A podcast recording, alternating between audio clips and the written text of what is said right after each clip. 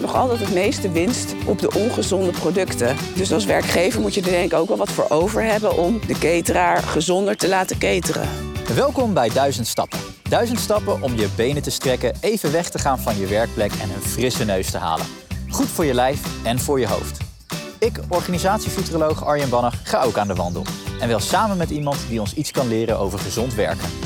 Lunch, eindelijk. Voor veel medewerkers een welkome break om weer even op te laden. Maar als het standaardmenu uit een broodje kroket bestaat, laden medewerkers dan wel echt op. In deze aflevering gaan we met Liesbeth Velema in gesprek over de impact van gezonde voeding op medewerkers. En die bedrijfskantine, hoe geef je die eigenlijk een metamorfose?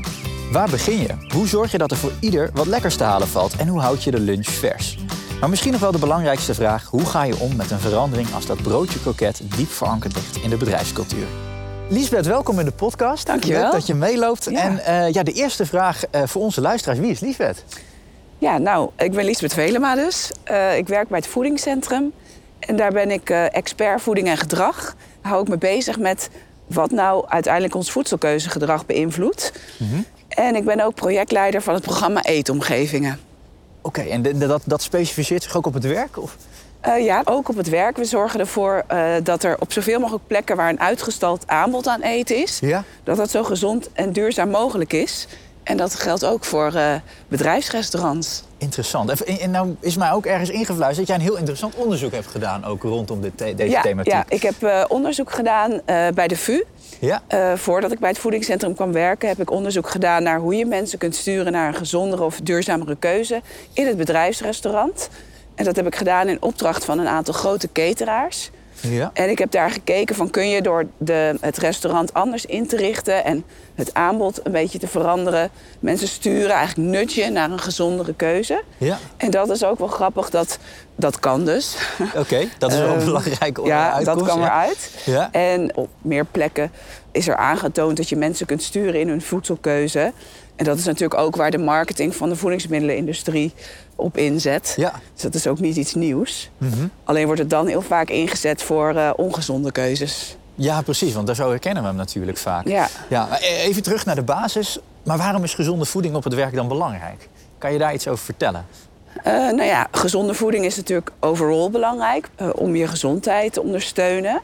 En je lunch, je maaltijd op het werk is daar natuurlijk één van. Dat is natuurlijk niet je hele dagvoeding die je op het werk eet, maar toch wel één maaltijd. Ja. Dus ook daar is het belangrijk dat je gewoon gezond kunt eten. Ja. Ja, Een bekend begrip is de, is de lunchdip, of de afterlunchdip. ja, ja. Is, is dat ook een, een fenomeen wat ontstaat door slechte, ongezonde voeding? Door dat broodje Nou, bijvoorbeeld? dat is eigenlijk wel bijzonder. Dat- Dat is eigenlijk niet zo. Oké. Het is niet helemaal mijn vakgebied overigens. Maar eh, er wordt steeds meer onderzoek gedaan naar de relatie tussen je, ja, eigenlijk je bioritme en, en de tijden, tijdstippen waarop je zou moeten eten. Ja. En ehm, wat we nu eigenlijk weten is dat die dip die komt eigenlijk voornamelijk door eh, je bioritme. Dat sowieso heb je over de dag verschillende fases waarin je meer of minder energie hebt. Ja. En heel vaak relateren we die lunchdip wel aan wat we gegeten hebben. Maar die relatie is eigenlijk niet zo eh, te leggen. Oké. Ehm, want die suikerdip die komt eigenlijk pas om vier uur, vijf uur 's middags. Dus, m- maar meestal hebben we die dip om twee uur al. Ja, ja, ja. Oké. Maar daar, daar wordt wel steeds meer onderzoek naar gedaan. Maar het is dus een beetje een utopie dat dat per Ja, se daardoor ja, komt. ja. Moeten we dat even laten. Hoe geef jij of hoe help jij dan ook bedrijven met inzicht te geven in hoe dat nu gaat in die bedrijfskantine? In de gewoontes die er zijn? Nou, we geven heel veel cateraars daar veel eh, eh, ja, informatie over. Dus die leiden we echt op van hoe zit, hoe zit dat voedselkeuzegedrag in elkaar. En heel concreet, hoe kan je dan het bedrijfsrestaurant aanpassen? Dus daar hebben we de richtlijn eetomgeving voor en een checklist. Als je ook zelf catert, kan je die ook gewoon bij ons downloaden en zien hoe kun je dat veranderen. Wat moet je veranderen aan de inrichting? Uh, maar we geven ook heel veel informatie over voedselkeuzegedrag. Want we denken allemaal dat we heel rationeel, heel bewust onze keuzes maken. Uh-huh. Maar dat is eigenlijk helemaal niet zo. We worden heel erg gestuurd door wat is het aanbod, wat lijkt hier normaal, wat ligt er vooraan, uh, wat is de prijs. En, en we ja. gaan ook voor gemak, voor iets wat er gewoon lekker, makkelijk, aantrekkelijk uitziet. Oké. Dus dat wordt, ja, dus, en dus de cateraar die al een paar keer laat vallen, die heeft dus eigenlijk een hele grote vinger in de pap. Ja. Wat wij eten in het bedrijfsrestaurant. Zeker, maar Ja. ook de opdrachtgever natuurlijk. Dus als je werkgever bent en je huurt een cateraar in, dan is het ook wel eh, belangrijk dat je met de cateraar afspreekt van goh, wat vind ik als werkgever belangrijk dat er wordt aangeboden. Je maakt nog altijd het meeste winst op de ongezonde producten. Dus als werkgever moet je er denk ik ook wel wat voor over hebben om de cateraar gezonder te laten cateren. Oké. En, en als je dat dan over hebt, wa- waar, waar zien we dan eigenlijk op dit moment de grootste vraag om dat meer gezond te gaan doen? Zijn dat dan inderdaad de werkgevers die zeggen wij vinden dit belangrijk? Of hebben de cateraars zelf ook een wens? Of zijn het misschien ook wel de medewerkers die zeggen wij willen een beter en gezonder Ja, aanbod? ja. Wat merk jij daarin? Vooral de cateraars zelf, die willen heel graag gezonder en duurzamer cateren. Die krijgen ook wel steeds meer die vraag. Ja. Maar eigenlijk vind ik nog niet genoeg van werkgevers. Ja. En er zijn ook medewerkers die wel graag gezonder en duurzamer willen eten. Dat peilen wij ook wel eens met, met enquêtes, zeg maar. Ja. Dus de, de meerderheid van de mensen wil graag geholpen worden in die gezondere, duurzamere keuze. Ehm, maar wat je hoort van cateraars, die zeggen wij willen het wel. We weten hoe het moet. Maar de opdrachtgever wil daar niet altijd in meebetalen. Het blijft toch een beetje een sluitstuk van de begroting. ja. En eh, over het De algemeen lunch is duur. is, ja, en is, is er gewoon meer marge te maken op een broodje kroket dan op een, ehm, ja, een verse salade of op eh, sushi. Ja. Maar is dat ook echt altijd zo dat, eh, want, want het is natuurlijk logisch hè, dat daar de marges groot zijn. Maar in plaats van de sushi zijn er misschien ook andere goedkope. Ik neem aan dat het ook goedkoper kan ge- gezonde dingen aanbieden. Dat het helemaal ja, niet anders zeker. hoeft te kan zijn. wel. Kijk, wat vooral belangrijk is als je kijkt naar soepen. Voorheen was het toch heel vaak een hele zoute soep met veel bindmiddel. Ja. En het is natuurlijk veel beter als je zelf eh, als cateraar gewoon met groenten dat pureert. En daar niet te veel zout bij doet. Dan kan je een veel gezonder gerecht van maken. Ja. Ja, maar dat kost wel meer, ehm, ja, meer, meer tijd, meer, dus meer, daarmee meer geld. Omdat het eh, vers bereid moet worden. Ja, uiteraard. Ja. Hey, en in hoeverre is het nou ook belangrijk om dat een beetje te laten landen? Want uiteindelijk, ja, je, er moeten toch wat dingen veranderen in die bedrijfskantine. Om daar medewerkers ook in te betrekken in wat daar gebeurt, hun mee te nemen in wat er op het menu komt of de keuzes die er zijn. Ja, nou wat we zien is dat het eigenlijk heel belangrijk is om medewerkers wel mee te nemen. En te zeggen, dit is waar wij voor staan. En we willen jullie als werkgever, wil ik mijn medewerkers gewoon een gezond aanbod bieden. Ja. Maar dat moet je communiceren, bijvoorbeeld eh, een keer op intranet of ergens in een, ja, op de een of andere manier communiceren naar je medewerkers, maar niet op het moment dat de medewerkers een keuze maakt in het bedrijfsrestaurant. Eigenlijk is dat niet een goede moment, want dan zijn mensen in een heel andere soort van eh, manier maken ze keuzes. Ja. En dan kan dat heel betuttelend overkomen. Van neem dit, want het is gezond.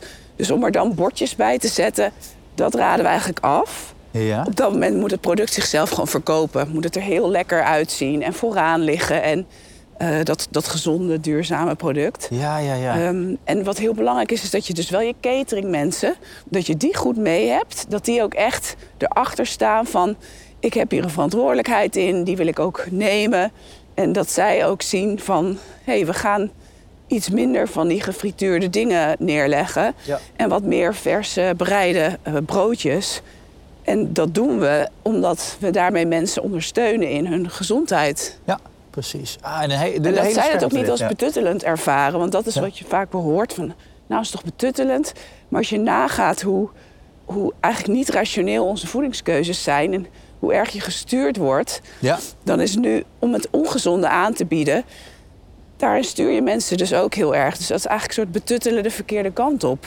Terwijl mensen wel graag gezond willen eten. Dus je betuttelt sowieso, doe het dan maar de goede kant op. Ja, ja, zo kun je het zien. Ja. Maar ik vind het ook wel een mooie medewerkers mee te nemen. Dat moet je, ik moest gelijk denken aan, je moet ook niet boodschappen gaan doen in de supermarkt als je heel erg honger hebt. Want dan kom je allemaal met de verkeerde dingen thuis. Ja.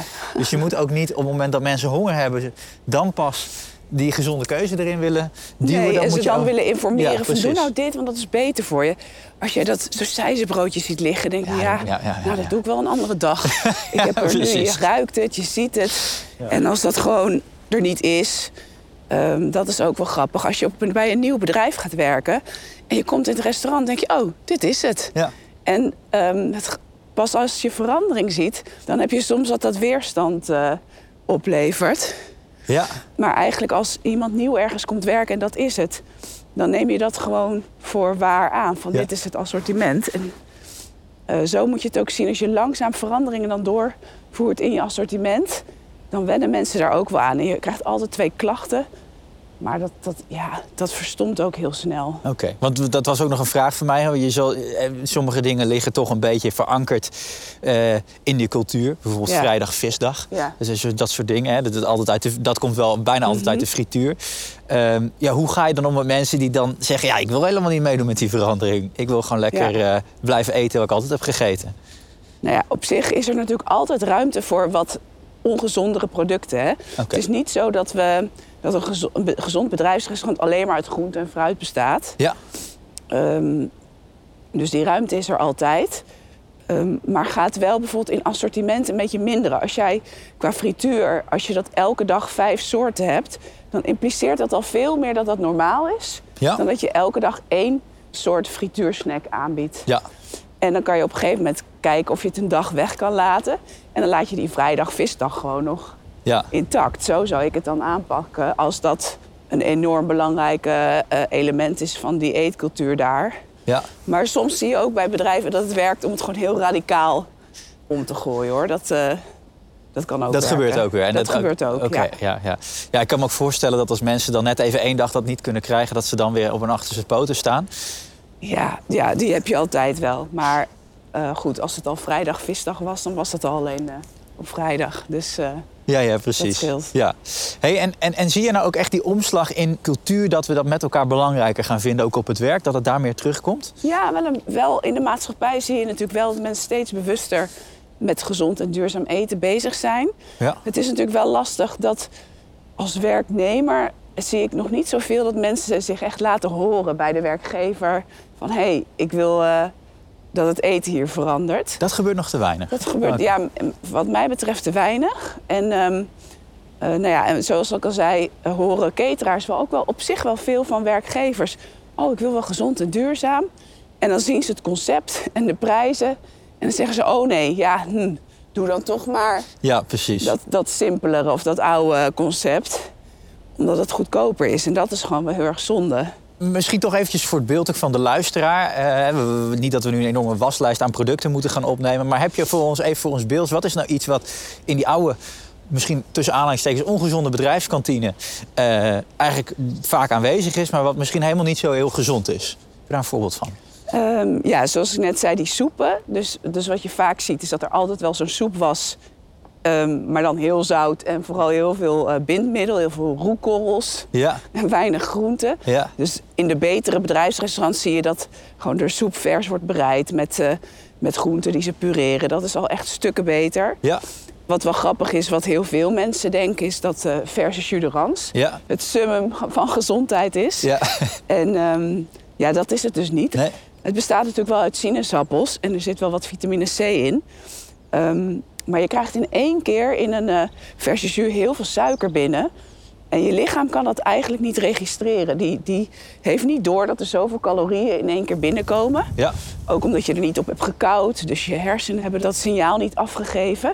Dus het is veel beter om een sinaasappel gewoon te eten. ja. Eh dan krijg je ook nog vezels binnen. En eh, ja, die vitamine C heb je meestal wel genoeg, eh, krijg je genoeg binnen. Ja. Via eh, groente en fruit dat je, als het goed is, eet. Eh, en dat is wel grappig dat er gewoon wel heel veel mensen denken dat dat heel gezond is. En het is natuurlijk ook hartstikke lekker. Dus je moet er ook gewoon lekker drinken en van genieten. Uh-huh. Ehm, maar niet denken dat je daarmee eh, nou ja, mega gezond bezig bent. Nee. Dus verse jus niet, maar pak gewoon wel een verse Ja, sinaasappel. precies. Dat is wel een stuk beter. En dat is zo mooi als in het bedrijfsrestaurant er ja, gesneden fruitsalades zijn. Dan zie je dat mensen dat toch wel echt eerder nemen dan een sinaasappel die ze nog moeten gaan schillen. Dat is ook weer zo. dus dat ja, is die factor Ah, gemak. Maar goed, het is ook niet goedkoop. eh, dus, Nee, eh, dat moet ook gebeuren. Ja. Hey, en hoe zit dan, eh want dat is een aardig brugje naar de tussendoortjes. Want je hebt natuurlijk het lunchmoment, maar je bent natuurlijk, hè, als je inderdaad op kantoor aan het werk bent. Dat gebeurt natuurlijk ook iets minder, maar je bent Ja. op kantoor aan het werk. Dan heb je vaak ook nog wel een tussendoortje Ja, op, ja. op twee momenten ergens. Moeten we dan ook aan, lekker aan die, aan die, aan die fruit eh, op dat moment? Nou, dat zou kunnen. Of, eh, ja, dus fruit is altijd een goed idee. Ja, Ehm, misschien dat je op het werk ja, dat je zorgt dat er iets van crackers eh, of iets anders aan tussendoortjes is. Wat, of wat, wat klein, in ieder geval kleinere porties als je dan iets zoets wil aanbieden. ja. snackgroenten, fruit, wat je gewoon kan pakken. En dat is natuurlijk heel, heel mooi als werkgevers eh, gratis fruit aanbieden aan medewerkers. Ja, Ja. Dat, is een, dat, dat is een hele goede inderdaad. Hey, waar ik nog wel benieuwd naar ben, ik weet niet of je daar iets over kan zeggen... maar hoe doen wij het eigenlijk ten opzichte van andere landen... als het gaat over eten op het werk? Zijn we daarin al best gezond of zijn we eigenlijk stiekem heel ongezond? Weet je dat? Ehm, nou, dat vind ik lastig te zeggen eh, om dat zo te vergelijken. Kijk, wat we zien in landen om ons heen is dat er eh, vaak wel in andere landen meer tijd wordt uitgetrokken voor het lunchen. Dat is op zich wel goed, want als je gewoon rustig de tijd neemt om te eten, Ja. dan voel je ook beter die verzadiging. Dus, want dat voel je pas na 20 minuten. Nou ja, wij proppen natuurlijk soms wel heel snel een boterham naar binnen. Ja. Dus dat is, dat is iets wat we, we nog beter zouden kunnen doen. Echt de tijd nemen met aandacht met elkaar eten. Ja. Maar op zich is wat we eten, zeker als we bruin of volkorenbrood eten, is dat helemaal niet ongezond. Ja. Ehm, dat is weer beter dan alleen maar vette kaasjes en stokbrood. Wat ze misschien in Frankrijk eten. Ook niet weten of ze dat dagelijks daarmee lunchen. Ja. Ehm, nou ja, je hebt natuurlijk landen waar er zelfs alcohol wordt gedronken bij de lunch. Dat doen wij ook niet. Nee. Dus in die zin doen wij dat wel beter. Misschien goed voor de brainstorm, maar Ja, je weet het niet. Maar ik vind het wel heel mooi dat je zegt, we moeten die, Ja. want, want er wordt altijd gezegd, lunch is een tijd van de baas. Dus dat moet zo kort mogelijk. Eh, juist je tijd ervoor nemen, dat zorgt ook alweer dat je gezonder bezig bent met die ja, hele en lunch. het is natuurlijk ook wel belangrijk om even met collega's gewoon over totaal iets anders te hebben. Even echt een sociale onderbreking van de werkdag. Ja, En natuurlijk ook heel goed om even naar buiten te gaan en eh, nou ja, duizend stappen te zetten. Of- precies. Ja. Mooi. Hey, tot slot, wat, wa- wat zou je nou willen aanraden aan eh, werkgevers, leidinggevenden... of misschien ook gewoon een medewerker die zegt... nou, ik wil daar wel een eerste stap in zetten. Op dit moment aanbod nog een beetje ondermaats als het gaat over gezondheid. Ja.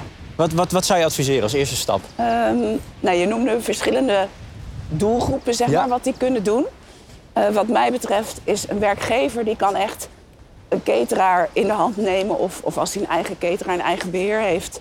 zeggen van, hé, hey, kun je het gezonder en duurzamer maken, het aanbod? Ja. En de meeste cateraars zijn daar heel bekend mee. Ook omdat de overheid daar gewoon een, eh, aan de hand van onze richtlijn ook ja, toch een lat legt. Ja, En als je een medewerker bent, dan zou ik het ook echt aankaarten bij de werkgever. Van goh, ehm, zou het assortiment niet wat beter kunnen? ja. En dan kunnen ze ook eh, bij ons terecht, bij het voedingscentrum. Precies, want eigenlijk is best veel kennis over wat heel goed kan werken. Ja. Dus spreek je gewoon uit en Ja. ga in actie. En dan is het eigenlijk niet eens zo heel erg moeilijk om al wat goede stappen te Nee, en zetten. je kan gewoon kleine stapjes zetten. Het hoeft ook niet in één keer soort perfect te zijn. Ja. Elke verandering kan al eh, weer bijdragen. En dan gaat ook die norm langzaam veranderen. En dan vindt iedereen het normaal om ja, dat assortiment aan te treffen. Ja. Nou, wat je eigenlijk zegt is dus dat ongezonde dingen zijn eigenlijk goedkoop. Gezonde dingen een stuk duurder. Ja. Maar dat is eigenlijk in het hier en nu, de korte termijn. Ja. Maar ik kan me ook voorstellen dat het ook iets oplevert voor de Oh, werkgevers. zeker. Als je op, Ja. eh, la- ja, voor lange termijn, als je, als je wel gezonde voeding aanbiedt. Ja, ja over eigenlijk heel zonde dat we nu heel erg naar die korte termijn kijken. Ja. Terwijl we weten dat, nou, als we dan kijken bijvoorbeeld naar mensen met overgewicht, Mhm. ehm, ja, die verzuimen meer en die zijn ook minder productief. Ja. Dus uiteindelijk is het voor een werkgever ook in zijn of haar belang om ervoor te zorgen dat mensen fit zijn, lekker in hun vel, ehm, ja, vitaal zijn. Die ehm, vi- vitale inzetbaarheid, of langdurige inzetbaarheid, is natuurlijk super belangrijk. En daar draagt die voeding aan bij. Ja. En, en eigenlijk is het ook wel gek als je bedenkt dat we wel. Een werkgever beschermt de gezondheid van zijn medewerkers, misschien met veiligheidsschoenen, ik noem maar wat. Dat het is eigenlijk heel raar als je niet je gezondheid van je medewerkers beschermt met gezonde voeding aanbieden. Maar juist ga je dan ja, verleidelijke frituursnacks neerleggen. ja, precies. En uiteindelijk heb je daar jezelf mee, omdat je mensen eerder verzuimen, minder productief zijn. Ja, dus al doe je het niet voor de medewerkers, voor hun gezondheid, doe het dan in ieder geval voor jezelf als werkgever dat je personeel zich niet ziek meldt. Ja. Ja, Nou ja, en kwaliteit van leven is ook hoger bij die mensen. Dus je draagt ook gewoon bij aan het levensgeluk van eh, je medewerkers. ja prachtig. Nou, Ja. mooie afsluiten wat mij betreft eh, van de podcast. Mag ik je hartelijk danken voor je bijdrage, Nou, Liesbeth. zeker. Graag gedaan. Dat waren de duizend stappen met Liesbeth Velema. En hopelijk heb je een iets beter beeld gekregen van hoe de gezonde bedrijfskantine er nou eigenlijk uitziet. En begint het ook al een beetje te kriebelen hoe het er in je eigen keuken nou aan toe gaat van je bedrijf. Nou, heb je meegelopen, complimenten en wil je meer inspiratie? Ga dan naar zk.nl/zakelijk.